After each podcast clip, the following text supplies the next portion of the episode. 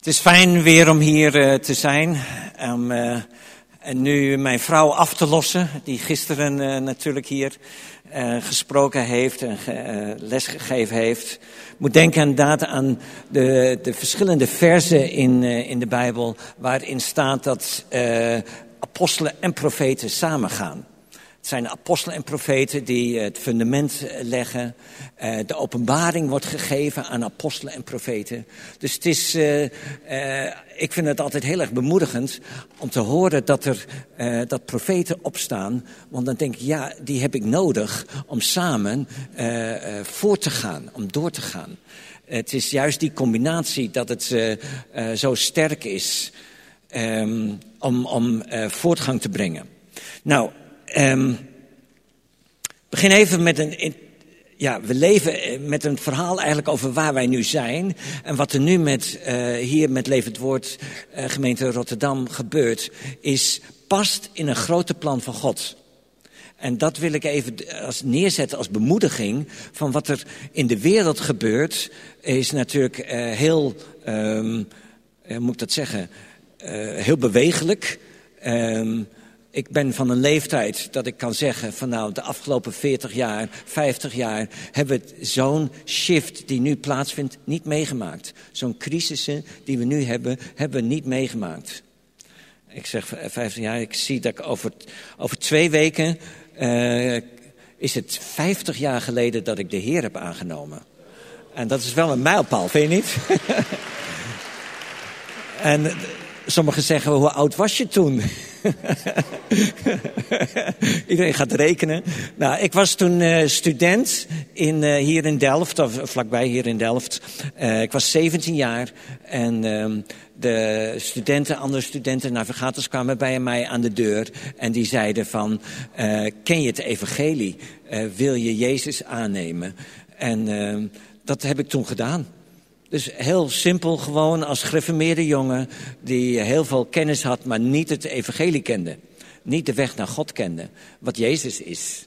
En uh, dus uh, toen heb ik uh, die keuze gemaakt. Heel, eigenlijk een beetje verstandelijk. Maar het heeft wel mijn leven totaal veranderd. En ik sta nu waar ik nu sta. Gewoon omdat ik 50 jaar geleden die keuze heb gemaakt. Ga ik ook iets over uh, zeggen zo. Mijn leven, ik, wat ik wil aangeven, we leven in een tijd van enorme grote veranderingen. Um, je kunt het vergelijken, is, in het Nederlands is daar een woord voor, dat heet een waterscheiding. In het Engels watershed. Nou, ik denk de meeste van jullie niet weten wat een waterscheiding is. Zal ik even uitleggen wat dat is, want dan begrijp je wat ik bedoel. Waterscheiding, even, waterscheiding is een um, een, voor ons even een berg in Zwitserland. En aan de ene kant van de berg stroomt het water naar de Rijn. En aan de andere kant van de berg stroomt het water naar de Rhône in, in de Middellandse Zee. Dus via Zwitserland, Frankrijk. En de andere gaat via Duitsland, Nederland. En, naar... en waterscheiding betekent dat je uh, als wij naar Zwitserland gaan, stroomt het water van de Rijn altijd naar het noorden. Altijd naar het noorden. Altijd richting Nederland. Tot je bij die berg in Zwitserland komt. En dan plotseling stroomt het water de andere kant op. Die stroomt naar het zuiden. En zo noem je dat een waterscheiding. Dat is dus waar het water gescheiden wordt van de ene kant naar het zuiden stromen en naar het noorden stromen. Wij leven in zo'n tijd we leven in zo'n tijd, dat betekent dat we, wat we tot nu toe gedaan hebben, was altijd het water stroomde naar het noorden. Maar we gaan nu een tijd in waar het water naar het zuiden stroomt. Met andere woorden, uh, we leven in een tijd van een enorme verandering. Uh, Dr. Bill Hammond uh, is een, hoe moet ik dat zeggen, een profeet van de profeten. En die heeft ook uh, gezegd, dit is de tijd van de, de, de derde reformatie. Eerste reformatie was met Jezus. Tweede was 500 jaar geleden met uh, Martin Luther. En we leven nu in weer zo'n reformatie. Dat geeft even aan uh, waarin we ons nu positioneren. En corona is alleen maar, is niet de oorzaak van die shift, is alleen maar een versnelling geweest. En uh, Het is een reset van de zaken, heb ik uh, al vaker gezegd. Van nou, het is geen pauzeknop die toen ingedrukt is. Het is een resetknop. Met andere woorden, dingen gaan veranderen, zijn aan het veranderen voor ons allemaal. En dat oude, die oude tijd komt ook niet meer terug. Dus als je denkt van dat moet nog terugkomen, dan uh, kan ik zeggen van dat gaat niet gebeuren. Net als in Maarten Luthers tijd, de tijd van voor de reformatie is nooit teruggekomen. Het is altijd vanaf dat moment is het fundamenteel veranderd. Zelfs zo dat er dus een hele nieuwe kerk ontstaan is. De protestantse kerk is ontstaan. Um, ik profiteer niet dat dat nu ook gebeurt, maar dat zou, ik sluit het niet uit.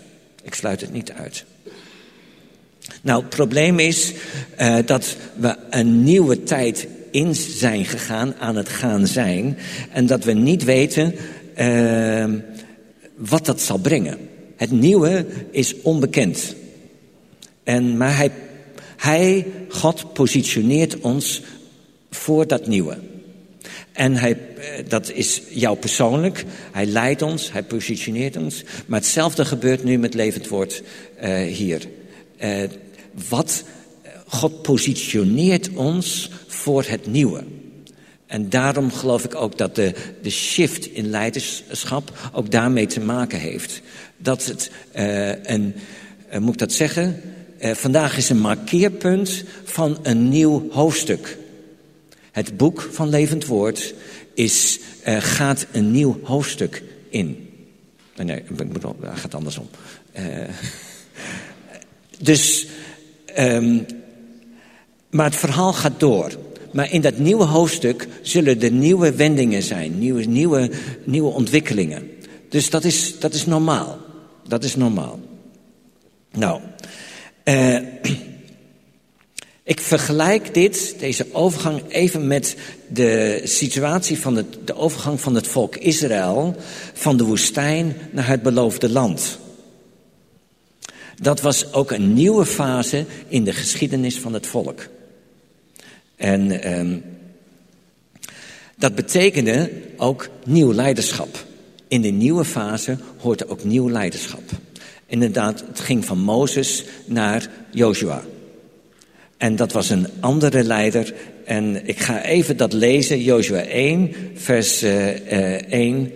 En het gebeurde na de dood van Mozes, de dienaar van de Heere, dat de Heere tegen Joshua zei, uh, uh, Joshua, de zoon van Nun, de dienaar van Mozes, zegt hij, mijn dienaar Mozes is gestorven. Nu dan, sta op, steek deze Jordaan over, u en heel, en heel dit volk, naar het land dat ik aan hen, de Israëlieten, ga geven. Elke plaats die uw voedsel betreedt, heb ik u gegeven, overeenkomstig wat ik Mozes gesproken heb. Van de woestijn en deze Libanon af tot aan de grote rivier, de rivier de Eufraat, heel het land van de Hethieten, tot de grote zee waar de zon ondergaat, zal uw gebied zijn. Niemand zal tegen u verstand houden al de dagen van uw leven. Zoals ik met Mozes geweest ben, zal ik met u zijn. Ik zal u niet loslaten en u niet verlaten. Wees sterk en moedig, want u zult het land, uh, u zult dit volk, het land dat ik hun vader gezworen heb, hen geven en in bezit laten nemen. Um, God spreekt en ik vind het heel opvallend dat hij zegt van, um, Joshua, luister goed, Mozes is dood. En wat betekent dat? Betekent dat het oude niet meer terugkomt. Het oude komt niet meer terug. Uh, en uh, voor Joshua was dat natuurlijk, moet je je voorstellen, die heeft 40 jaar als het ware op die die, die, die, die, ja, moet je, die arm van Mozes kunnen leunen. Van, ja, Mozes leidde. Hij hoeft alleen maar mee te lopen en, te doen wat hij zei. En op dat moment zeg je, ja, dat kan niet meer. Jij moet nu zelf staan. Het is een, een nieuwe tijd. En met een belofte erbij. Wees sterk en moedig. Want u zult dit volk, dat ik hun vader heb, hen, hun uh, te geven, in bezit laten nemen. Dus de opdracht, in dit geval aan de leider, is, en aan Patrick en Leonie, is ook, wees sterk en moedig. Um, en dan in vers 9 wordt dat herhaald. Want het staat in vers 6, maar in vers 9 staat het ook. Heb ik u niet geboden, wees sterk en moedig. Schrik niet en wees niet ontsteld, want de Heere, uw God, is met u overal waarin u eh, gaat. Um, het is een opdracht om sterk en moedig te zijn. Vroeger dacht ik altijd van nou ja, je bent wel of niet moedig, dat is je wel of niet gegeven. Je bent wel of niet sterk, dat is afhankelijk hoeveel je naar de sportschool gaat enzovoort. Maar het is, eh, God zegt, wees sterk en moedig. Het is een opdracht. En als je ontmoedigd bent, dan zegt God, wees moedig. Met andere woorden, wij moeten niet toegeven aan ontmoediging. En uh, dus dat is eigenlijk. Ik heb jaren gedacht van, eh, heb ik mijn focus gehad bij die verandering op de, uh, zeg maar de verandering in leiderschap. Zeg van, uh, de verandering ging van Mozes naar Joshua. Dus, en dat is, is ook zo. Maar het volk, en daar ga ik nu over spreken, moest ook veranderen. En het is niet zo van, het volk kon hetzelfde doen als al, al, alles wat daarvoor was. Nee, het volk veranderde mee met uh, de shift die uh, plaatsvond. En dan staat er ook uh, in vers 10... Toen gebood Joshua de beambten van het volk... En dan zegt hij vers 11... Ga midden door het kamp en gebied het volk, maak proviand voor u klaar, want nog binnen drie dagen zult u deze rivier, de Jordaan, oversteken, zodat u kunt binnengaan om het land in bezit te nemen van de Heer uw God u uh, gegeven heeft om in bezit te nemen. Met andere woorden, uh, ze stuurden eh, want het kamp was natuurlijk gigantisch groot. En ze hadden geen internet. Uh, of een WhatsApp waar ze berichten kregen. Dus die ambtenaren die gingen daar door de meute heen. En je moet voorstellen, die hadden dus 40 jaar door die woestijn geschokt. En dan krijgen ze dus een nieuwe opdracht.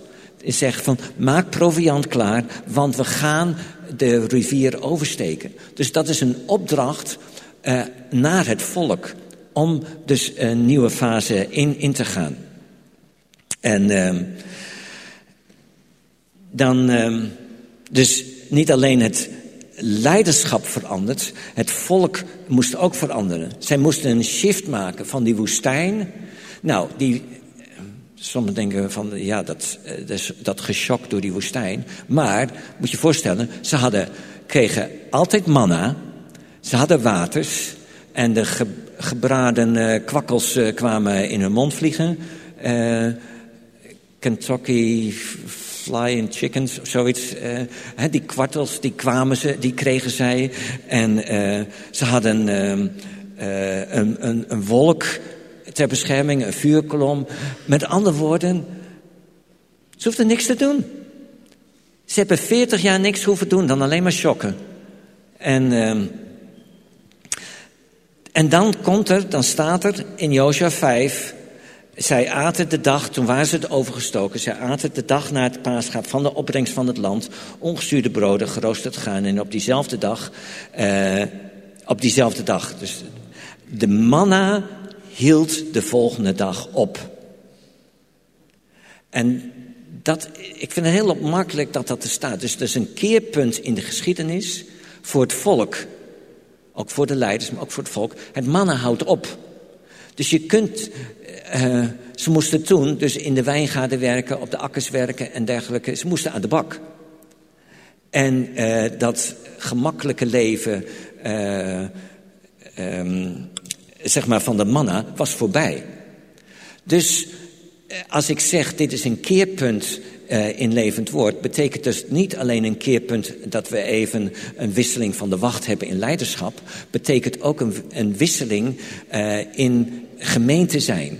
Van manna eten naar uh, land bewerken. Dus dat is een, een, een betekent eigenlijk dat het volk een shift moest maken in verantwoordelijkheid. Want 40 jaar hadden ze geen verantwoordelijkheid dan alleen maar te shocken en manna op te halen elke ochtend. Naar het land innemen. Dus het was een grote verandering. Niet alleen, nogmaals, niet alleen voor het leiderschap, maar ook voor het volk. Het volk uh, veranderde. En uh, moest veranderen en verantwoordelijkheid nemen. En daar wil ik even iets uh, uitlichten. wat, wat betreft die verantwoordelijkheid. Is wij, jullie, zijn verantwoordelijk voor je persoonlijke groei. Als wij doorgaan in deze tijd, de tijd waarin we leven, kun je niet afhankelijk zijn uh, van uh, de leiders uh, voor jouw groei. Dat is jouw keuze. Het is jouw keuze om een profetenschool te doen. Het is jouw keuze om door een persoonlijke genezing te gaan, innerlijke genezing. Het is jouw keuze. Dat kun je niet af laten hangen van de leiding van de gemeente. Het is uh, dat betekent voor, bijvoorbeeld dat je uh, niet in een slachtofferrol kunt blijven zitten. In het Engels staat dat, kun je dat zo lekker zeggen, you move from victim to victor. Uh, nou, ik zeg het toch even, van victim to victor. Met andere woorden, je gaat van slachtoffer naar overwinnaar. En dat is de beweging ook waar we uh, in zitten. Eh, wereldwijd, dat we niet blijven zitten in, dat, uh, in die slachtoffermentaliteit. Nou, wat is, ik focus daar even op, omdat wij allemaal daar, ik denk bij, bijna niemand uit, al wel gevoelig voor kunnen zijn. En dat is, wat is dat? Dat je eigenlijk je, um, is een je moet dat zeggen, je, je herkent je als slachtoffer aan, door de negatieve reacties van anderen en door omstandigheden die, die, er gebeuren. Dus het, wat maakt dat je je slachtoffer voelt, is uh, je wordt gekwetst door anderen. Uh, je kunt fysiek ziek zijn. Uh, je kunt afgewezen worden. Je kunt ontmoedigd zijn. je kunt vertragingen in je leven tegen, hindernissen in je leven tegenkomen. Met andere woorden, problems, problemen. Waardoor je zegt van die problemen zijn zoveel en dan ga je in dat slachtofferrol zitten. Zeg van het overkomt mij en waar moet ik weer en oh, zucht, zucht, zucht. Nou, dat is nooit Gods bedoeling dat jij in die zucht, zucht, zucht uh, situatie zit. Want je bent geen victim, je bent geen slachtoffer, je bent een overwinnaar. Nou, hoe kom je daaruit? Hoe voorkom je dat je daar. Wat is nou de koninklijke weg om daaruit te komen? Want wij willen doorgaan, dus wij moeten daar niet in blijven steken. Nou, één is. Uh, ik heb een aantal stappen opgeschreven. Eerste is: zie de feiten onder ogen. En waarom zeg ik dat? Um, even een stukje verhaal van mij, uh, uit mijn leven. Uh, mijn uh, vader is overleden toen ik zes jaar oud was. Dat is natuurlijk een dramatische situatie. Mijn moeder bleef met drie kinderen achter, waarvan de jongste, mijn zusje, nog, was nog geen jaar oud. Ik was dan zes en mijn broer was tien. Mijn moeder heeft die, die, dat feit van het verdriet van mijn vader, het overlijden van mijn vader, nooit onder ogen gezien. Zij is doorgegaan met haar leven en uh, heeft als het ware dat weggeduwd en, uh, moet je het zeggen, ja, ik, ik zeg wel eens, een hele laag, dikke laag beton erover gegoten. wij mochten als kinderen ook niet over mijn vader spreken. Zijn naam mocht niet genoemd meer worden. En, dus met andere woorden, dat is niet hoe je om moet gaan met de problemen. En daarom zeg ik, face the facts. Zie de feiten onder ogen. Dit is er gebeurd en daar moet je mee omgaan. En uh, voor mij ben ik pas op mijn, eigenlijk zeg maar op mijn dertigste of zo door dat verdriet heen kunnen gaan. Omdat ik toen die feiten onder ogen kon zien. Dus ook als mensen jou iets aandoen, uh, negatieve dingen over je zeggen, of je fysiek niet goed bent, dan ehm, kun je dat niet wegwijven en zeggen van ja, maar de Heer is goed. Sorry, dat is religieuze praat. Uh, tuurlijk is de Heer goed. Maar je moet de feiten wel onder ogen zien. Je bent fysiek zoals je fysiek bent. Er zijn de woorden over je uitgesproken. Dat is gebeurd. Dat is niet, kun je niet wegwuiven met uh, ja, de Heer is goed. Want dan zit je eigenlijk in die ontkenningsfase, uh, waardoor je er nooit doorheen komt.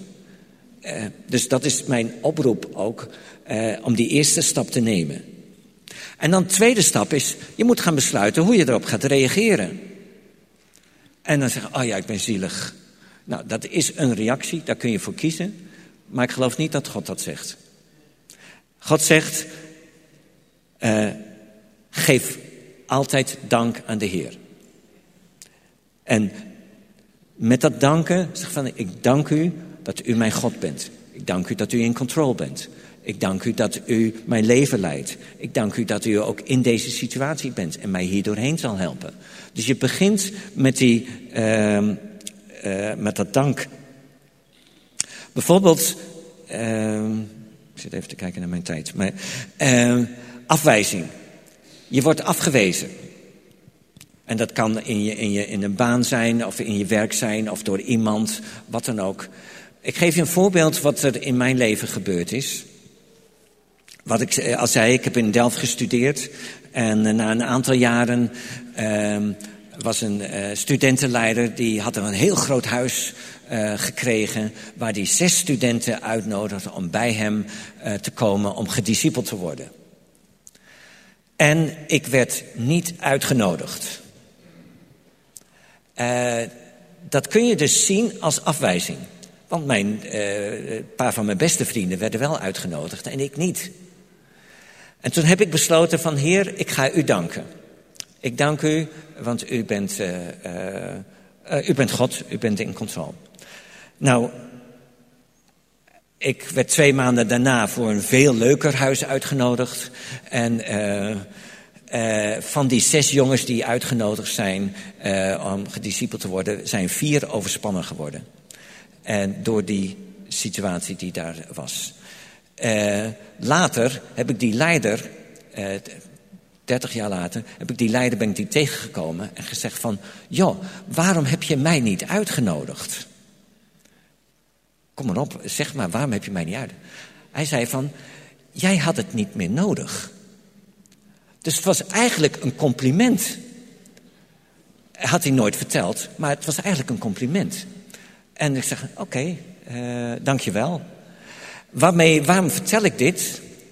Uh, een, je kunt een afwijzing kun je accepteren en internaliseren, uh, aanvaarden. Of je kunt het zeggen van, heer, die persoon wijst mij af. Dat is zijn probleem. U houdt van mij. En wat u zegt is belangrijker dan wat anderen zeggen. Daarom ben ik zo blij met dat lied wat we zongen. I am who I am because the I am tells me who I am. Ja, ik ben die ik ben, omdat de ik ben zegt wie ik ben. En niet van wat uh, de leiders of me zeggen, of de, uh, mijn vrienden, of familie, of collega's. Het, de Heer bepaalt wie je bent. En dus daarom kun je een afwijzing, kun je ook zeggen, ik dank u Heer dat u van me houdt. Dat wil niet zeggen dat je geen fouten maakt, hè? Want je kan afgewezen worden omdat jij een stommiteit hebt uitgehaald. Dat wil ik even uh, wel erbij zeggen. Um, anders denk je dat je. nou, oké, helder. Blijf jij ontmoedigd? Of um, zeg je van nee, ik versterk mij in de Heer? En dat verhaal van David bij Siklag. En dat alles weggeroofd wordt. En mannen zijn allemaal boos op hem. En wat zegt hij? En staat er in de Bijbel. En hij versterkte zich in de Heer. En nou, ik kan je zeggen, als voorganger, dan word je uh, zeer frequent getest op ontmoediging. Dat is iets wat, uh, ik wil niet zeggen dagelijks, maar toch wel zeer frequent op je afkomt. En dus ik kan zeggen, ik heb veel praktijkoefeningen hiervan uh, van gehad. Om niet ontmoedigd te zaken, maar toch uh, de focus te hebben. Dus, uh, nou, andere zaken in het af, niet in de slachtofferrol komen, is ook vergeving. Als je de feiten vergeeft mensen. Het staat in de Bijbel. Jezus leert ons, vergeef ons onze schulden gelijk ook wij vergeven onze schuldenaren. Met andere woorden, het is onze opdracht om mensen die ons iets schuldig zijn te vergeven. Of zij nou wel of niet vergeving vragen. Ja?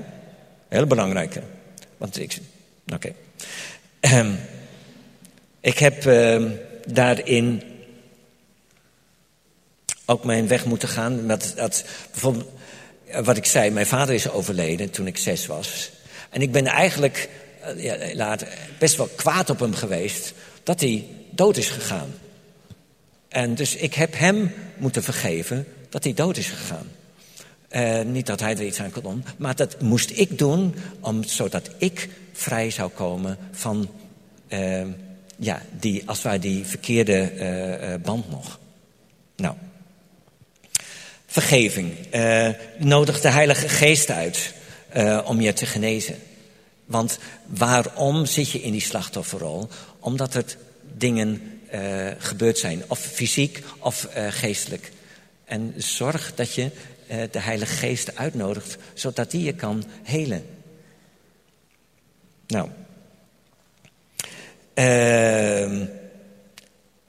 Staat, omring jezelf met mensen die je vooruit helpen. Dit is een sleutel. Dit is een sleutel. En ik lees Marcus 8. Marcus 8, daar staat het verhaal. Luister maar even. Uh, en hij kwam in Bethsaida. Uh, Jezus, hè, die kwam in Bethsaida. En ze brachten een blinde bij hem en smeekte hem dat hij hem aanraakte. Toen en toen hij de hand van de blinde genomen had, leidde hij hem het dorp uit. En nadat hij in zijn ogen gespuwd en de handen op hem gelegd had, vroeg hij hem of hij iets zag. En hij keek op en zei: Ja, ik zie mensen, want ik zie hen als bomen rondlopen. Daarna legde hij, Jezus, de handen opnieuw op zijn ogen en liet hem weer kijken. En hij was, en, uh, hij was hersteld en zag allen heel duidelijk. En hij stuurde hem naar huis en zei: Ga niet het dorp in en zeg het tegen niemand in het dorp. Heel apart verhaal. Waarom lees ik dit? Omdat Jezus, die heeft, die, eh, komt die man tegen en die zegt: Kom maar mee, ik, ik, ik kan je wel genezen, maar niet in dit dorp. Hij neemt het bij de hand, hij neemt hem naar buiten. En gaat buiten hem genezen. En dat is de enige keer dat er staat dat Jezus twee keer moet bidden. Voor de man voordat hij geneest. Vind ik nogal heftig. Dat hij twee keer moet bidden. En dan zegt hij ook van, ga niet terug in het dorp. En zeg het tegen niemand in het dorp. Waarom doet Jezus dit? Waarom doet hij dit? Nou, dat staat in Matthäus 11, vers 20. Dus niet in, uh, ik heb net gelezen uit Marcus, maar in Matthäus 11 staat het antwoord. En er staat, toen begon hij de steden waarin de meeste krachten door hem verricht waren te verwijten dat zij zich niet bekeerd hadden. En dan staat er, wee u Gorazin, wee u Bethsaida. Wee u Bethsaida. Want als in Tyrus en Sidon de krachten gebeurd waren die in u plaatsgevonden hebben, dan zouden zij al lang in zak en as bekeerd hebben. Maar ik zeg u, het zal voor Tyrus en Sidon verdraaglijker zijn op de dag van het oordeel dan voor, uh, dan voor u. Met andere woorden, het was een zeer ongezonde plek. Een, een, plek waar Gods geest geen ruimte kreeg, geen ruimte had om te bewegen. En waar Jezus zegt zelfs niet zo van ik kom binnen en daarmee overroel ik dat. Nee, Jezus zegt ik kom eruit, kom eruit en ik ga je buiten genezen. En zeg ga niet terug. Ga niet terug, want ik denk eerlijk gezegd, als hij terug was gegaan, had hij zijn blindheid weer teruggekregen. Omdat hij in zo'n omgeving komt van ongeloof, dat je, dat je dat als het ware die genezing niet kunt vasthouden. Nou, waarom zeg ik dat? Omdat ook voor ons ieder van ons een verantwoordelijkheid hebben om uh, te zorgen dat wij gezonde relaties hebben. Als wij ongezonde relaties hebben, die ons geloof niet stimuleren, maar terughouden. En uh, dan betekent dat dat wij een Bethsaida om ons heen hebben. En daar moeten we uit. Dus dat betekent voor een aantal uh, van ons dat je bepaalde relaties moet kappen. En dat kan zijn dat je dat in het verleden een goede relatie is geweest, maar nu is er verandering gekomen en je merkt dat je geloof wordt tegengehouden en niet wordt opgebouwd. En dat kan zijn een, een, vriendin of een vriend. Dat kan zijn familie, bepaalde familieleden. Dat kan uh, in bedieningen zijn. Maar het betekent even, het is jouw verantwoordelijkheid om niet een Bethsaida-omgeving uh, te kiezen. Die man mocht niet terug. Jezus zei dan, je mag niet terug. En dat geloof ik ook. Wil jij uit die, als mensen je helpen, als het ware, in die slachtofferrol te blijven, zorg dat je andere mensen om je heen krijgt. Want zolang jij in Bethsaida blijft, eh, kom je niet uit die blindheid. Kom je daar niet uit. Dit is dus een verantwoordelijkheid die ligt niet bij de leiding van de gemeente, die ligt bij jouzelf. Dus vraag de Heer van Heer, wie, met wie moet ik disconnecten en met wie moet ik connecten? Want ik wil een omgeving hebben waarin ik kan groeien. Ik heb zelf uh, inderdaad de vriendschap met een aantal mensen uh, verbroken of op een lage pitje gezegd van zij helpen mij niet in mijn groei. Zij werken mij tegen. En dus zeg van nee, maar ik wil groeien.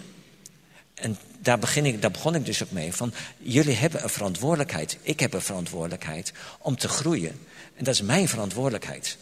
En dus uh, daar kan niet iemand anders voor, uh, uh, voor je in de plaats nemen. Um,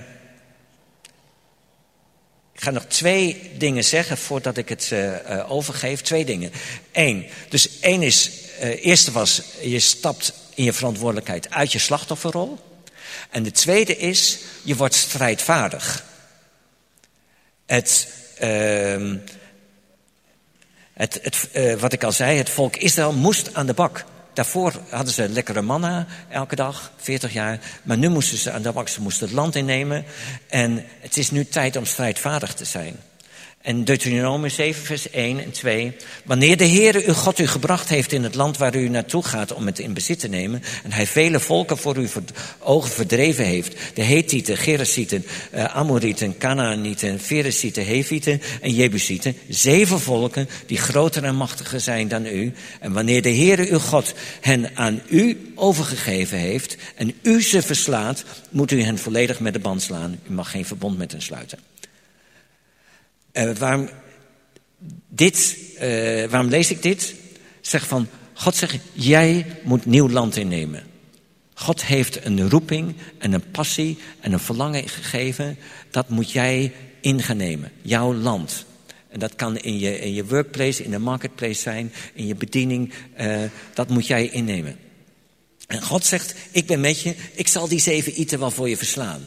Maar hij, hij zegt dan, Um, ik zal ze voor u overgeven, vers 2, en u ze verslaat. Met andere woorden, ze verdwenen niet als sneeuw voor de zon. Nee, zij moesten ze verslaan. En dus daarom zeg ik ook, uh, de tijd die we nu ingaan is een tijd van strijdvaardig zijn. Uh, strijdvaardig zijn om dat wat je tegenkomt niet daarvoor uit de weg te gaan, maar te verslaan. Dus het wordt een, een, een, de tijd die we ingaan nu, uh, ook in de wereld, is een veel strijdvaardigere tijd dan daarvoor. Um, en wanneer uw hart zegt, oh, maar deze volken zijn groter dan ik, hoe kan ik hen ooit in bezit verdrijven, uit hun bezit verdrijven? Vers 17. Vers 18. Wees dan niet bevreesd voor hen.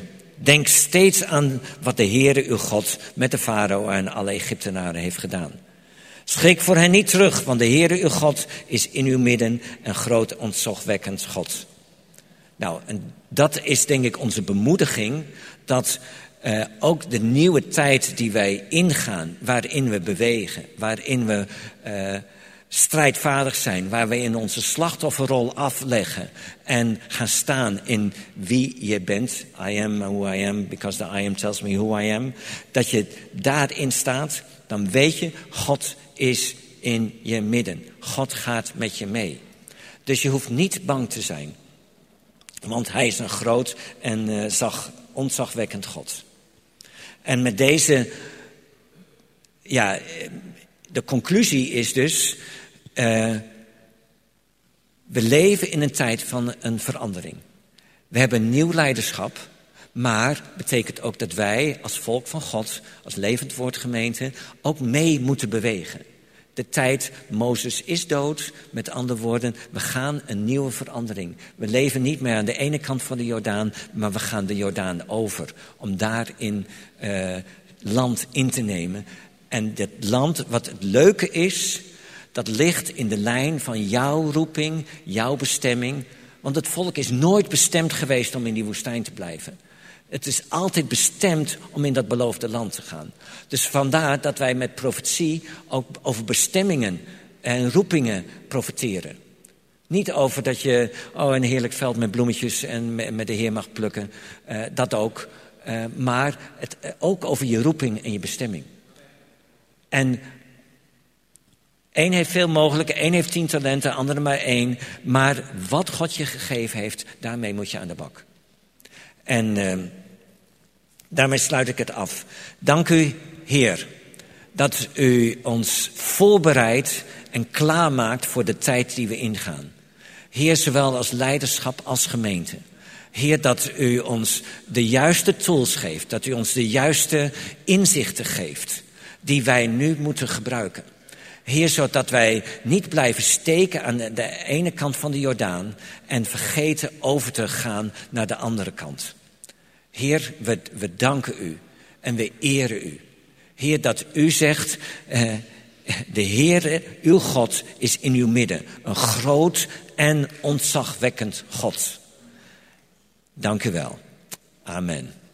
Amen.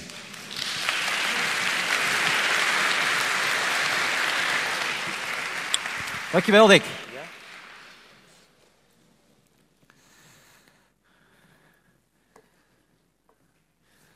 Glorie. Nou, de kinderen die kunnen, als ze nog niet terug zijn, die kunnen komen. Want we gaan nu uh, over tot uh, het zegenen gedeelte.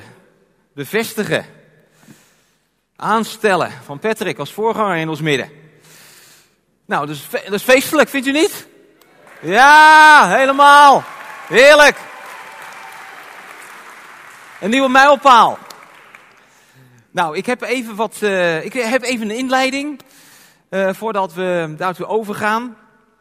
Ik zal heel kort even terugblikken uh, op een deel van de geschiedenis van de LWG. Nou, de LWG is gestart met de roeping van Gerard, die hier zit. Ja. We zijn heel blij dat Gerard en Lydia ook in ons midden zijn. Nou, ik denk dat het begin jaren negentig geweest is. En um, om heel duidelijk een nieuwe gemeente Rotterdam-Zuid te beginnen. In 1994 is dat werk van een nieuwe gemeente uh, begonnen. Toen zijn Corine en ik ook verhuisd uh, naar Rotterdam. Nou, en officieel is de LWG in 1999 als kerkgenootschap opgericht. Hè, maar bestond in de praktijk al een aantal jaar. Nou, en wie zijn de oprichters? Gerard en Patrick en Leonie. Staat in de statuten. Nou, en Gerard heeft tot vorig jaar, september, als senior voorganger en voorzitter van uh, het oudste raad, het bestuur, het oudste team, de gemeente gediend. En we zijn Geert daar heel dankbaar om. En Patrick en Leonie, die zijn dus vanaf het begin echt ook steunpilaren geweest voor deze gemeente. En ze zijn een voorbeeld. Ook mooi om te noemen, ze hebben inmiddels drie volwassen dochters, hier aanwezig, die ook de Heer dienen. Ja, dat is ook een voorbeeld. Dat is genade van God. Maar ook heel duidelijk een goed voorbeeld van christenouders. Dus dat is uh, ook mooi om ook te noemen. Um, en ze zijn natuurlijk inmiddels ook open oma. Dus staat de kleine. Jaira. Mooi. Nou, vorig jaar is er een andere fase voor Geert en Lydia aangebroken. En we hebben met gemengde gevoelens ook afscheid van hen genomen. En uh, hen vrijgezet om voltijds betrokken te zijn. Mijn landelijke bediening hart to hart. Nou, het hoogtepunt was echt afgelopen zomer. Een heerlijke zomerweek in de Noordoostpol. En ik heb zoveel mooie berichten daar ook over gehoord. Prijs de Heer. Nou, sinds het vertrek van Gerard hebben we als oudste natuurlijk de Heer gezocht. Voor Gods leiding, voor het leiderschap en voor de toekomst. En zijn plannen gewoon voor ons als lokale gemeente. De LWG. En we hebben toen ook een missie en visie onder leiding van de Heilige Geest verwoord. Waar staan we voor? In Jezus gezegend om tot zegen te zijn. En waar gaan we voor?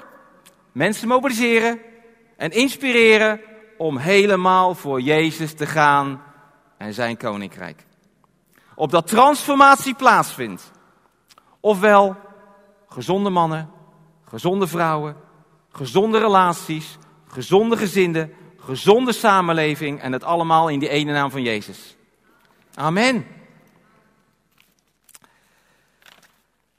Nou, Patrick heeft de afgelopen jaren, uh, het afgelopen jaar duidelijk de roeping van de Heer ervaren om een stap voorwaarts te zetten.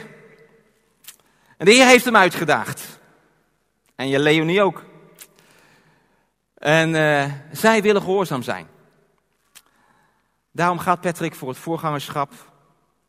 En wij willen hem vandaag aanstellen, zegenen, bevestigen samen met Leonie aan zijn zijde. Toen we dit 1 december vorig jaar kenbaar maakten uh, op een bijeenkomst van de groep van leiders en uh, later ook op de zondag in de gemeente, is dit met heel duidelijk enthousiasme ontvangen. En uh, Patrick is natuurlijk al jaren oudst in ons midden. En eigenlijk ook de voorganger van de kinderen. En de tieners. En de jongeren. En uh, het is even leuk, ik kijk even naar Robin. Er is een spraakberichtje uh, toegestuurd van Nika en haar dochter. En uh, die kunnen hier niet zijn, die zijn in het buitenland. En ik wil dat gewoon even laten horen, gewoon even leuk. Lieve, lieve Patrick, ik ben erg trots op u en ik weet zeker dat u het heel erg goed zal doen als pastoor. U heeft mij en heel veel andere tieners heel veel dingen geleerd en dat waarderen wij heel erg. Ik vind het jammer dat ik er niet bij kan zijn, maar ik weet zeker dat u het heel goed zou doen. Heel veel zegen, Danuska. Ja, Patrick, heel erg jammer dat wij op deze speciale dag voor u niet aanwezig kunnen zijn. Maar uit het diepste van ons hart wensen we u ook namens alle tieners en jeugd heel veel zegen, wijsheid en liefde toe. Denuska en Nika helemaal uit Istanbul. Nou, dat is toch mooi.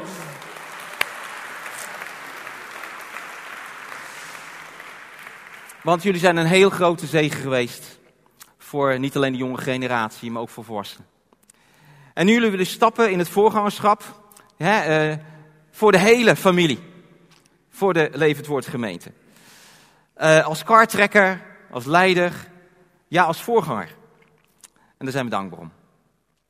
Nou, je hebt je sporen verdiend en we zien Gods geest werken in je leven. En je zoekt Gods strategie voor de gemeente.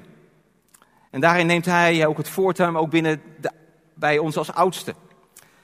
Nou, tot 24 juli heeft Jordan Spijker ook deel uitgemaakt van het oudste team. Jordan de Boer zijn ook aanwezig.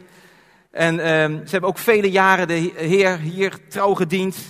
Uh, daar zijn we dankbaar om. Nou, Jordan heeft zijn oudste toen ook neergelegd, samen met Deborah. En ze hebben een nieuwe uitdaging, gewoon voor het land, een landelijke bediening hè, uh, van de VPE. En uh, waar we ook als Levend Woordgemeente ook bij aangesloten zijn. Nou, de overgebleven oudste, David van Wessel, Patrick en ik.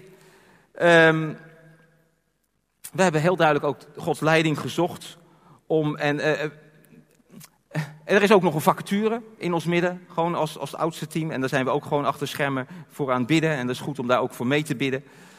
Nou, David kan helaas vandaag niet aanwezig zijn. Brendine die heeft van de week weer ernstige hartritmestoornissen gehad. En dat is een terugkerend iets. En ze moest van de week zelfs naar het ziekenhuis. En uh, gisteren ook weer eventjes, niet naar het ziekenhuis, maar wel weer een, een, ja, dat is heel vervelend. Dus ook wel, dat is moeilijk. Dus uh, David, uh, die heeft, dat heb ik hem gevraagd, wel even een boodschapje. Dus die ga ik even voorlezen van onze David. Patrick en Leonie. Hi.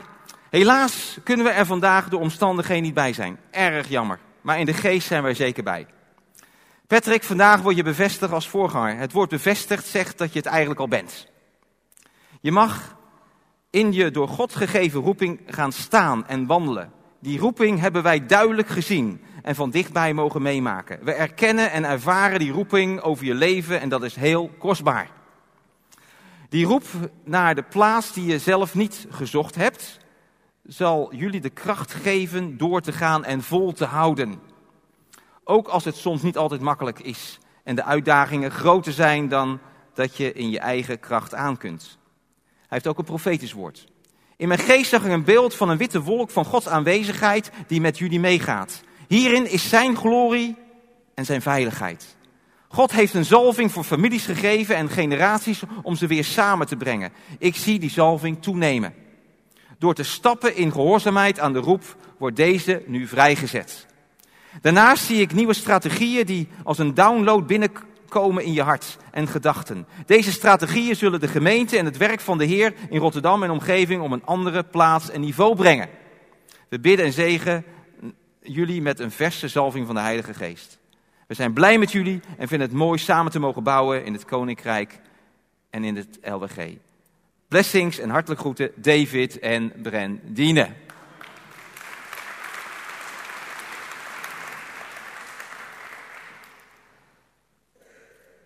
Nou, zelf ben ik sinds 2001 een voorganger ook in uh, deze gemeente en dat blijft zo. Dus na vandaag zijn er weer twee voorgangers. In de praktijk zal Patrick het voortouw nemen in de gemeente en zal, als mede, en zal ik als medevoorganger samen met David als oudste ook gewoon dienen en, uh, in het leiderschap en bijgestaan door onze vrouwen. Voor de volledigheid en duidelijkheid, sinds 2013 ben ik ook voorganger in Ichtes, gemeente in Etteleur. Vandaar parttime in beide gemeentes. Ik ben na het vertrek van Gerard afgelopen jaar voorzitter van de oudste raad, het bestuur, uh, geworden. En dat houden we zo in deze fase. Uh, ik heb, wij hebben het volste vertrouwen in Patrick's roeping. Zijn zalving, leiderschap, zijn dienend hart. Vrucht van Gods geest in zijn leven. Zijn trouw, zijn liefde voor de Heer en voor mensen. En wat ik zo mooi vond, ik heb vorige week, toen was ik uh, natuurlijk in Etteleur, uh, even naar de, de, dienst geluisterd. Wat Patrick ook toen deed op een gegeven moment. Hij nodigde jullie uit. Als VIPs. Als very important. Hij wil dat jullie erbij zijn. Dat kenmerkt Patrick, omdat hij zoveel van jullie houdt. Dat is zijn liefde. En we hebben het volste vertrouwen ook in Leonie. Ja, aan Patrick zijde in haar geestelijk inzicht en haar praktische bekwaamheid om orde te brengen waar dat nodig is. En daar is ze goed in hoor.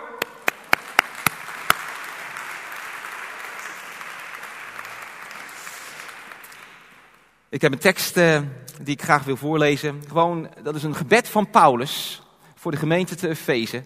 Maar die uh, ik ook, ook voor jullie uh, bid. En dat is uit Efeze 3, vers 14 tot 21.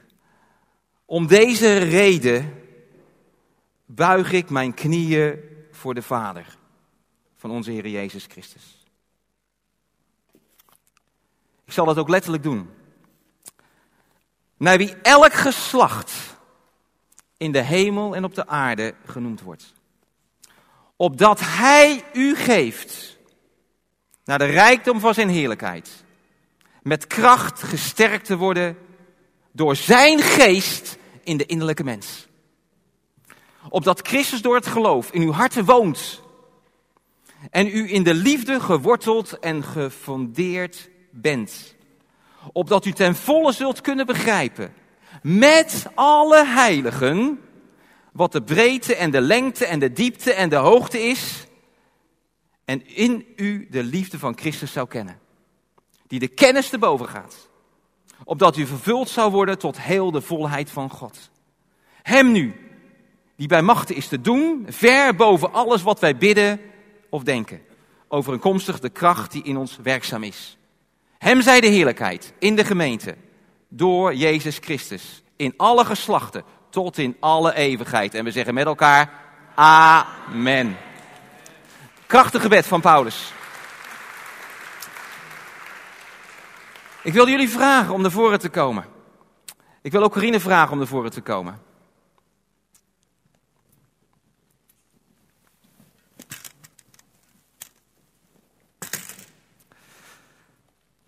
Jullie hebben ook zelf voorgesteld om uh, dadelijk uh, neer te knielen. En Patrick wil eerst een belofte ja. uitspreken. Kom eens lekker bij me staan, mijn liever. Zo. Altijd, het moet zo goed om hier te staan. Om jullie allemaal te zien. En ook verschillende oude bekenden. Och, wat doet dat ons goed om jullie allemaal te zien. En ik denk dat het goed is om op deze plek ook allereerst gewoon, nou, papa en mama te bedanken. Ja, papa, ik kwam binnen, vol trots. Nam u me in mijn armen. Drie zonen die voorganger zijn. Wauw, wat een zegen. En u houdt ook ontzettend veel van Cornel en van John. Maar ik wil jullie enorm bedanken, want inderdaad, daar is een biddende vader en een biddende moeder geweest. Een moeder die altijd voor ons klaar stond. Ja, ja, ja absoluut.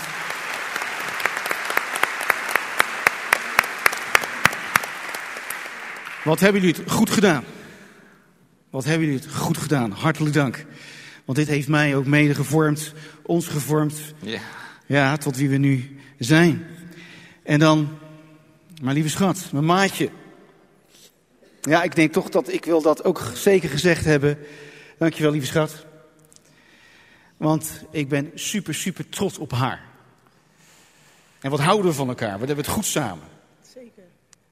We hebben het heel goed samen. En we houden heel erg veel van elkaar. En ik hoop dat dat ook merkbaar is, dat dat zichtbaar is. Maar we houden echt heel veel van elkaar. Ja, Absoluut. Want ook dit wil ik ook wel aangeven. Als er één persoon heel hard aan zichzelf heeft gewerkt. Met drie van die opgroeiende meiden. Die heel goed ook in het confronteren waren.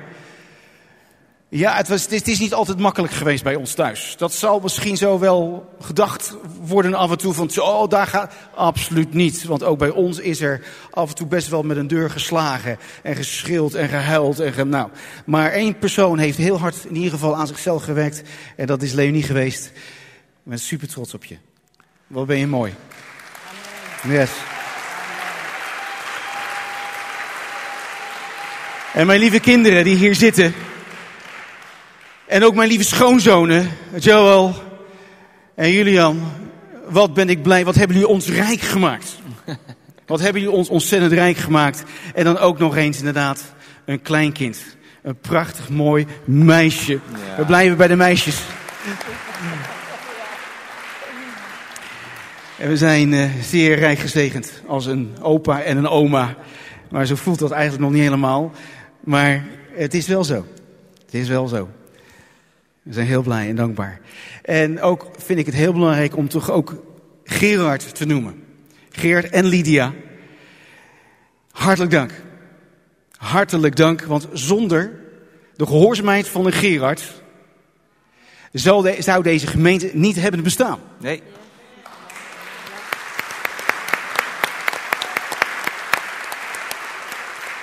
Want er is een moment geweest dat verlichte kruis boven de stad Sorry.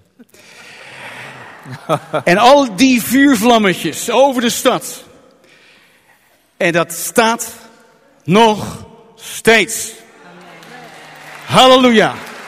Want Jezus zal deze stad laten zien dat Hij daadwerkelijk de koning der koningen is. De Heer der heren. Halleluja. En dankjewel Gerard voor wie jij bent. Ik ga even een knuffel geven. Sorry. Ah. Ah, dat is Mooi.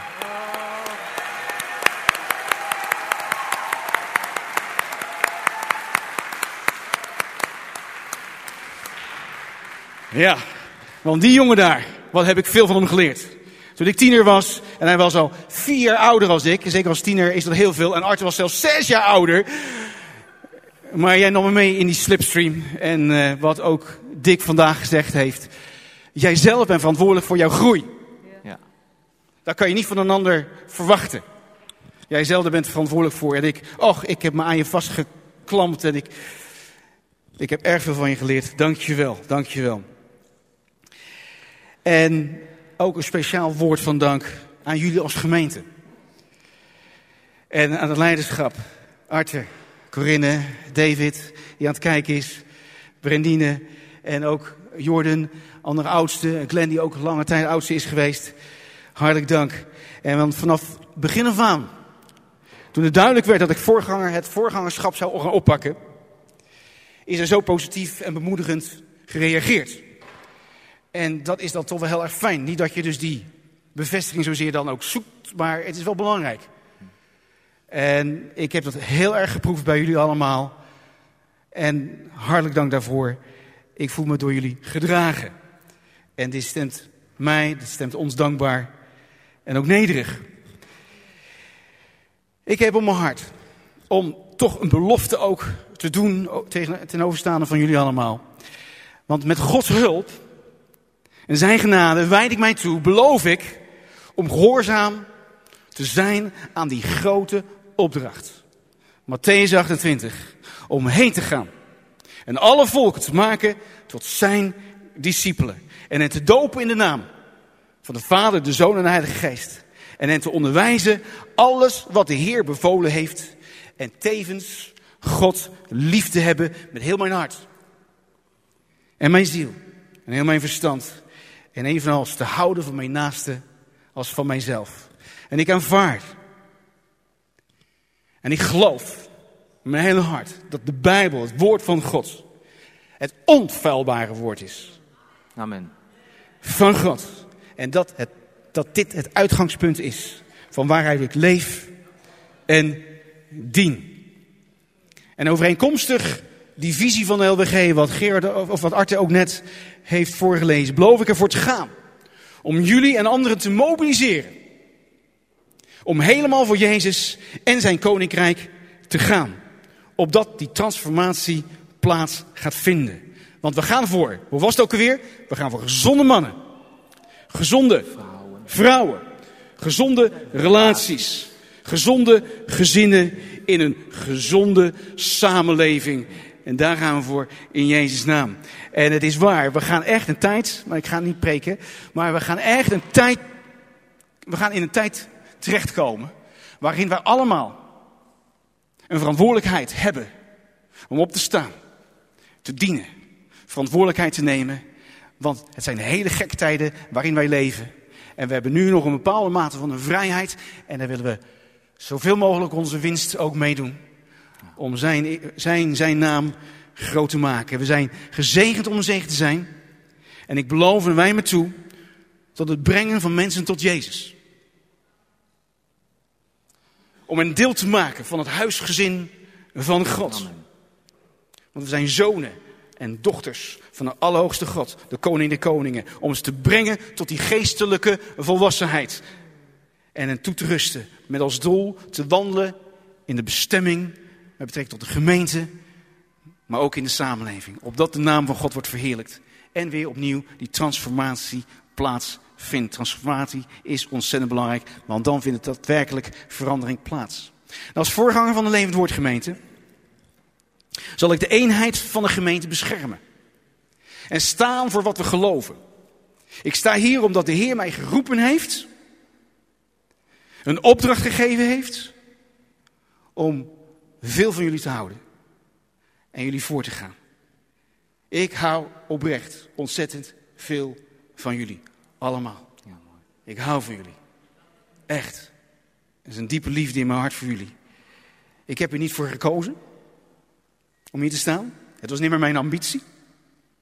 Maar ik voel een goddelijke, door de Heilige Geest gegeven drang om mij in te zetten. Om de gemeente te leiden in de bestemming die de gemeente heeft ontvangen. Op deze gemeente rust een bestemming. En die gaat zichtbaar worden. Een nieuw tijdperk is aangebroken. Een nieuw tijdperk is aangebroken voor de levend woord gemeente. Halleluja. Ik hoop en bid dat jullie het ons, ook als leiderschap en ons samen, het niet moeilijk zullen maken.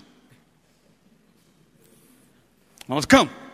We kunnen het elkaar heel erg moeilijk maken. Ik hoop dat dat niet gebeurt. Maar dat we elkaar altijd zullen blijven opbouwen en aanmoedigen. Omdat we ervaren dat we aan elkaar gegeven zijn. En dat is zo mijn gebed ook. Zijn we aan elkaar gegeven? Want dan ga je ook door het vuur voor elkaar. Dan ga je met elkaar bouwen. Dan ga je met elkaar zichtbaar laten zijn hoe God zijn glorie tentoon wil spreiden. Volgende week zondag hoop ik jullie allemaal weer te zien. Want ik heb die zondag ook Visiezondag genoemd. En God heeft een aantal zaken op mijn hart gelegd en dat wil ik heel graag met jullie delen. En ik hoop jullie dan allemaal te ontmoeten op die Visiezondag, want daar is een droom. Durf te dromen. En God heeft ook mij uitgedaagd, want een goede droom, daar word je zenuwachtig van. Waarom? Omdat je God daarvoor nodig hebt. Want anders is het geen droom. Geen goddelijke droom. Dus volgende week hoop ik dat ook met jullie te delen. En zullen jullie ook zelf uitgedaagd worden om te dromen. En dat gaan we dan met elkaar doen. Lieve gemeente, ik hou van jullie. En we gaan knielen. En we gaan de Heer verwachten voor inderdaad een goddelijke download. Voor niet alleen voor ons, maar ook voor jullie allemaal. Want hij rust een zegen op ons. En die zegen die gaat, die gaat zich verspreiden. Amen. Amen. Arthur? Ja.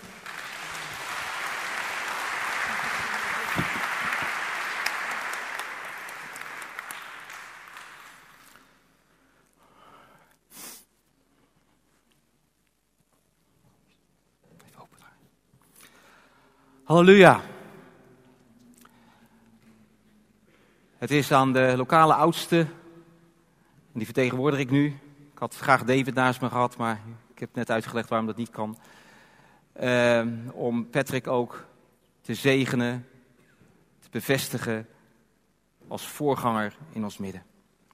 En ik wil hem daarvoor de handen opleggen. Dank u, Jezus.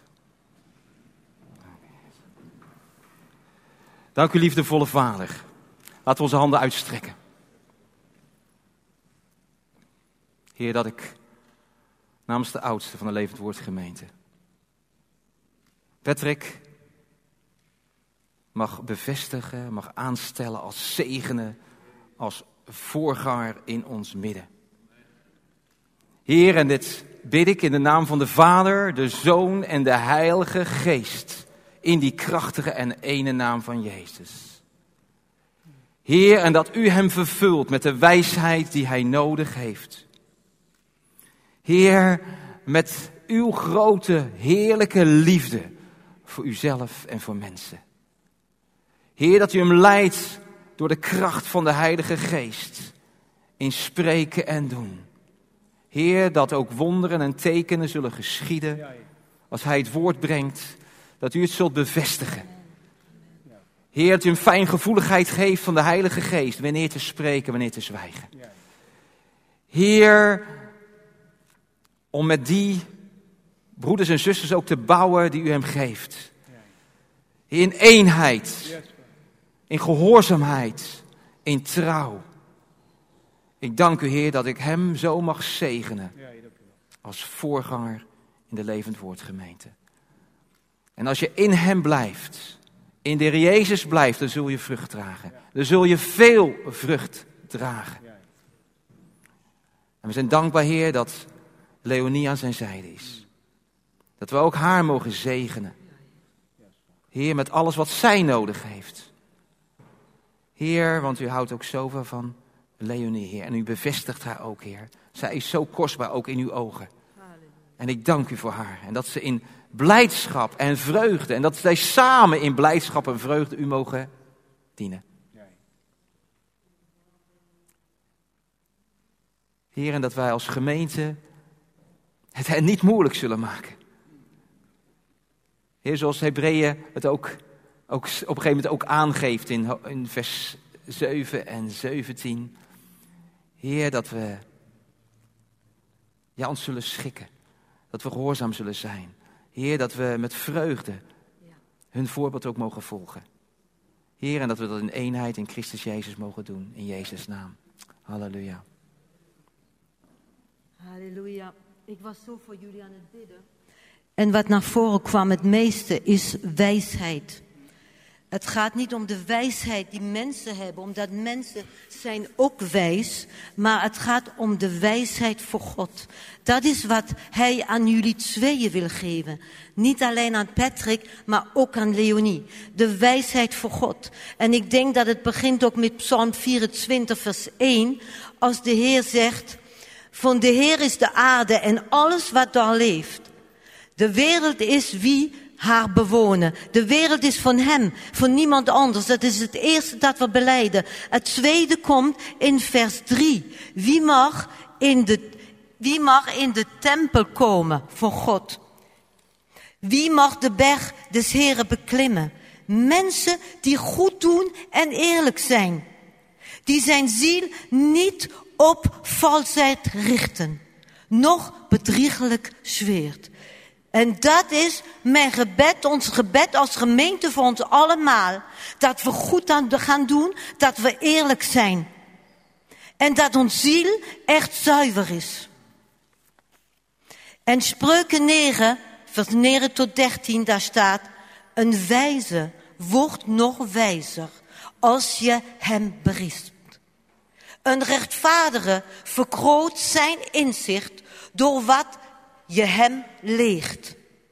Wijsheid begint met ontzag voor de Heer. Inzicht is vertrouwdheid met de Heilige.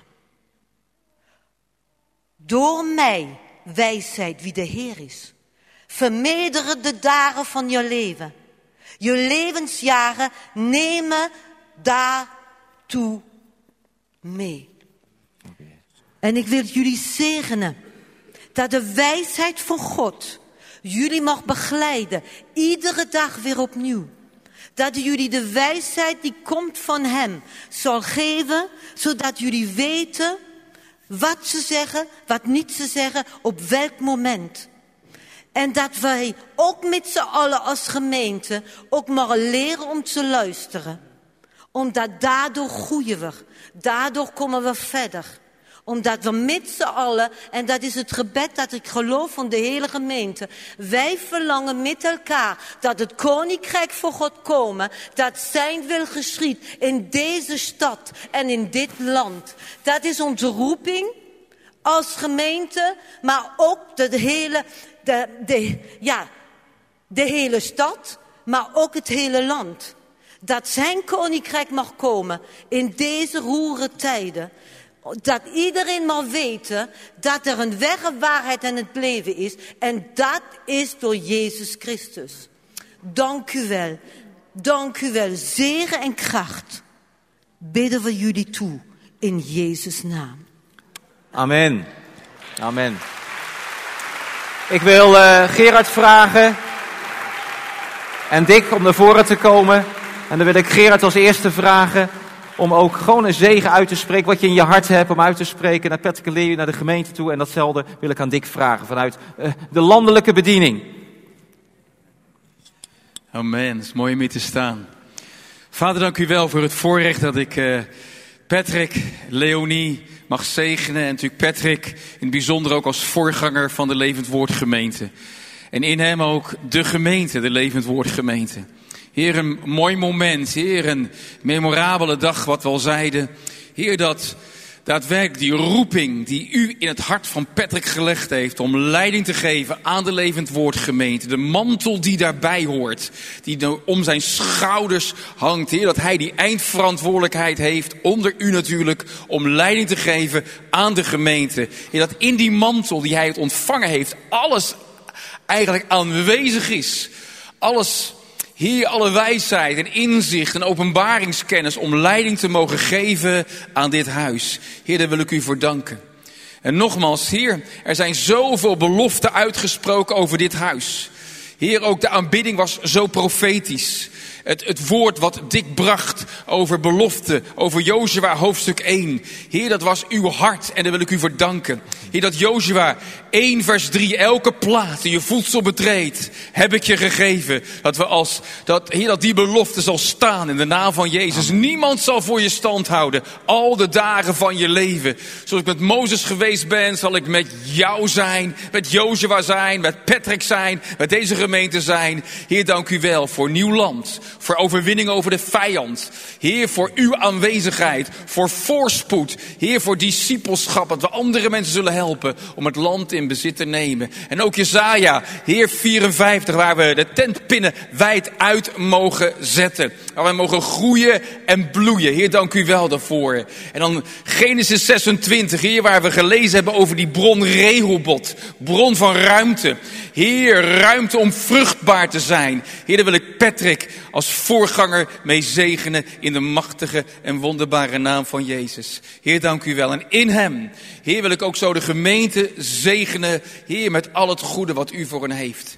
Dank u wel. Jezus is overwinnaar. Heer, dank u ook voor Leonie. Heer, dank u voor de kinderen. Heer, en de aangetrouwde kinderen, zelfs de, de kleindochter. Heer, wat een zegen. En dank u wel voor de levend woord gemeente. Om het land in bezit te nemen dat u voor hen heeft. Halleluja. Amen. Amen. Amen.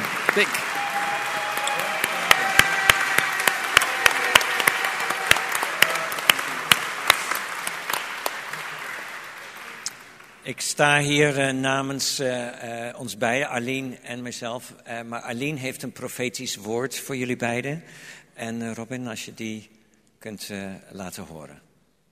En levend woord, de gemeente in Rotterdam, Arlene Westerhof, gefeliciteerd op deze zeer bijzondere dag waarin jij, Patrick, wordt ingezegend als voorganger van het levend, de levendwoordgemeente in Rotterdam. We zijn het wachten op de Heer voor een profetisch woord voor jullie. En de Heer zegt tegen jullie dat deze gemeente bedoeld is om mannen en vrouwen te doen opstaan die een legaat gaan achterlaten dat eeuwigheidswaarde zal hebben. Dat legaat is iets wat ik in uh, Matthäus lees.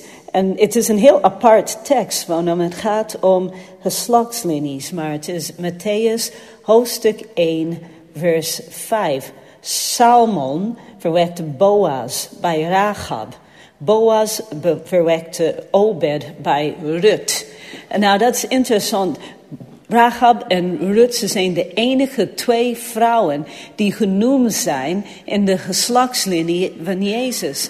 En nog Rahab, nog Ruth waren Jodinnen. Ze waren buitenlanders, ze waren vreemdelingen. Maar door hun geloof zijn ze opgenomen in de geslachtslinie van de Heer Jezus Christus.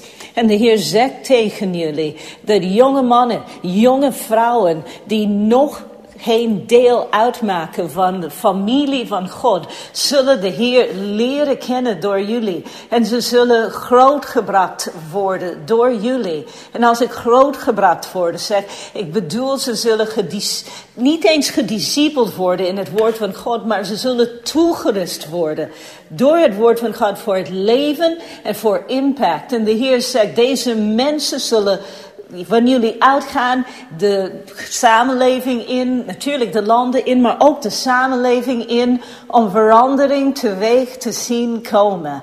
En ik hoor de stem van de Heer zeggen, deze mannen en vrouwen die nog niet de Heer kennen en die van buitenlands afkomst zijn, ze zullen eiken worden, eiken worden in het koninkrijk van God. En dus ik zegen jullie levend woord gemeente. Zijn waar de Heer jullie hebben geplaatst. En de Heer zegt, deze dag gewoon voeg ik iets toe in jullie DNA. En dat is dat jullie een gemeente zullen zijn die mannen en vrouwen doen opstaan, die een legaat achterlaten voor het koninkrijk van God. En daartoe zegen ik jullie in de naam van Jezus. Jullie modelleren het al een beetje in jullie gezin en in de families, maar de Heer zegt, dit gaat toenemen. Jullie zullen mensen van buitenlandse afkomst bereiken. Uh, door het prediken van het evangelie, maar des te meer ook door programma's, door cursussen, door dingen die ontworpen zijn om mensen life skills te doen leren. Bijvoorbeeld, hoe ga je om met relaties? Uh, zelfs boekhouding, praktisch dingen, life skills die waarde hebben voor de gemeenschap, maar die ook de jonge mensen, en als ik spreek over jonge mensen, ik zie tieners, maar ook jongvolwassenen, want die ze aanspreken, die ze nuttig vinden, die aantrekkelijk zijn voor hen. En jullie zullen hen bereiken door deze dingen. Ze zullen binnenkomen en ze zullen leren en ze zullen de Heer ontmoeten. Te midden van dit alles. En de Heer zegt, deze jonge mannen en vrouwen, ze zullen van jullie uitgaan en ze zullen invloed hebben in de gemeenschappen waar ze vandaan komen, maar ze zullen ook gewoon verandering teweeg brengen. Dus wij zegenen jullie deze dag in de naam van Jezus. Het is een heugelijke dag, dus geniet daarvan. Veel liefs van mij. Halleluja. ik sluit me daarbij aan. Dank u. Heer, dat um, ik zegen Patrick en Leonie hier met openbaring. Heer, zoals uw woord zegt, eh, openbaring wordt gegeven aan apostelen en profeten. Heer, dat zij openbaring krijgen uh, hoe de roeping en de, de, ja, de visie gestalte te geven. Heer, om dat handen en voeten te geven, zodat het um, niet alleen bij gepraat blijft, maar dat het ook concreet wordt. Heer, het zijn openbaringen die nodig zijn. Heer, en daar, eh, Patrick, daar zegen ik je mee, zodat je kunt gaan wandelen uh, en vorm kunt geven aan het Koninkrijk van God. Hier in deze stad en in dit land. In Jezus' naam. Amen. Amen. Dank jullie wel. Ja, ja, ja, ja, ja. dank u wel. Zo. Oh. Halleluja. De blessing. Die gaan we uh, zingen met elkaar, staande en daarna zal Patrick zegen uitspreken. Als nieuwe voorganger in ons midden. Halleluja.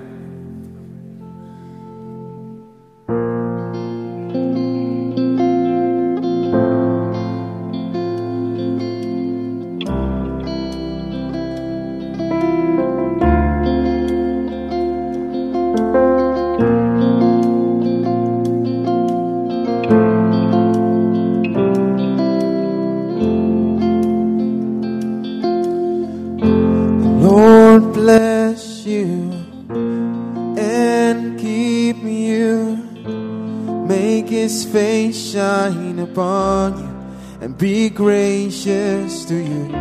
The Lord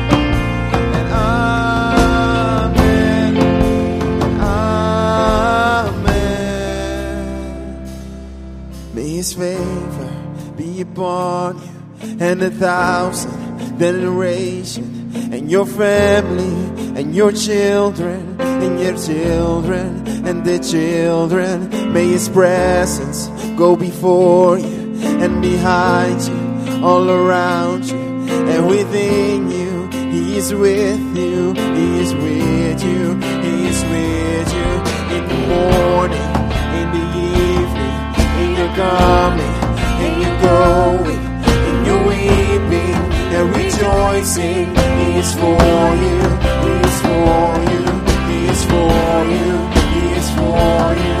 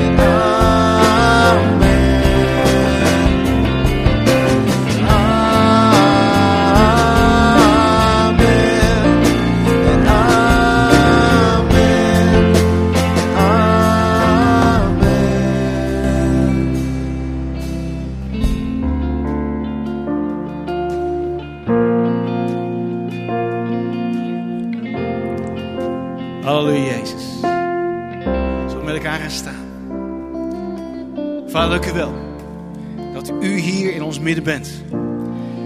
En Heer, dat die zegen op ons is. En Heer, die zegen houden we niet voor onszelf. Want die zegen die gaan we verspreiden. Daar waar we gesteld zijn. Daar waar we gaan, daar waar we staan, daar waar we verantwoordelijkheden hebben. Dank u wel dat uw hand op ons leven is. En dat we mogen weten en beseffen. U houdt zo ontzettend veel van ons. En Heer, dank u wel voor de roeping op ons leven. Want wij allemaal zijn geroepen. Wij allemaal zijn gesteld. Heer, om een licht te zijn, om het zout te zijn. In de naam van Jezus. En zo danken we voor uw trouw en uw liefde. Dank u wel voor het nieuwe tijdperk wat aanstaande is. Dat we in mogen gaan met elkaar als gemeente in Jezus' naam. Maar zonder u willen we niet optrekken. Zonder u willen we niet optrekken. Zoals Mozes ook zei. Heer, als u niet met ons meegaat, dan gaan we niet. Dan gaan we echt niet. En Heer, ook dit wil ik tegen u zeggen. Heer, ga voor ons uit. Dank u wel voor die gebaande weg. U gaat met ons mee. Heer, want we hebben u zo ontzettend hard nodig. Heer, dank u wel dat u met ons bent en dat u met ons meegaat. En dat u de weg leidt, dat u de weg baant. En dan zo mag ik een gemeente zegenen. Van jong tot oud. Heer, dat die liefde van God de Vader. En de genade van onze Heer Jezus Christus. En de gemeenschap, die liefdevolle gemeenschap. Die bijstand, die fellowship met de Heilige Geest. Met ons allen is.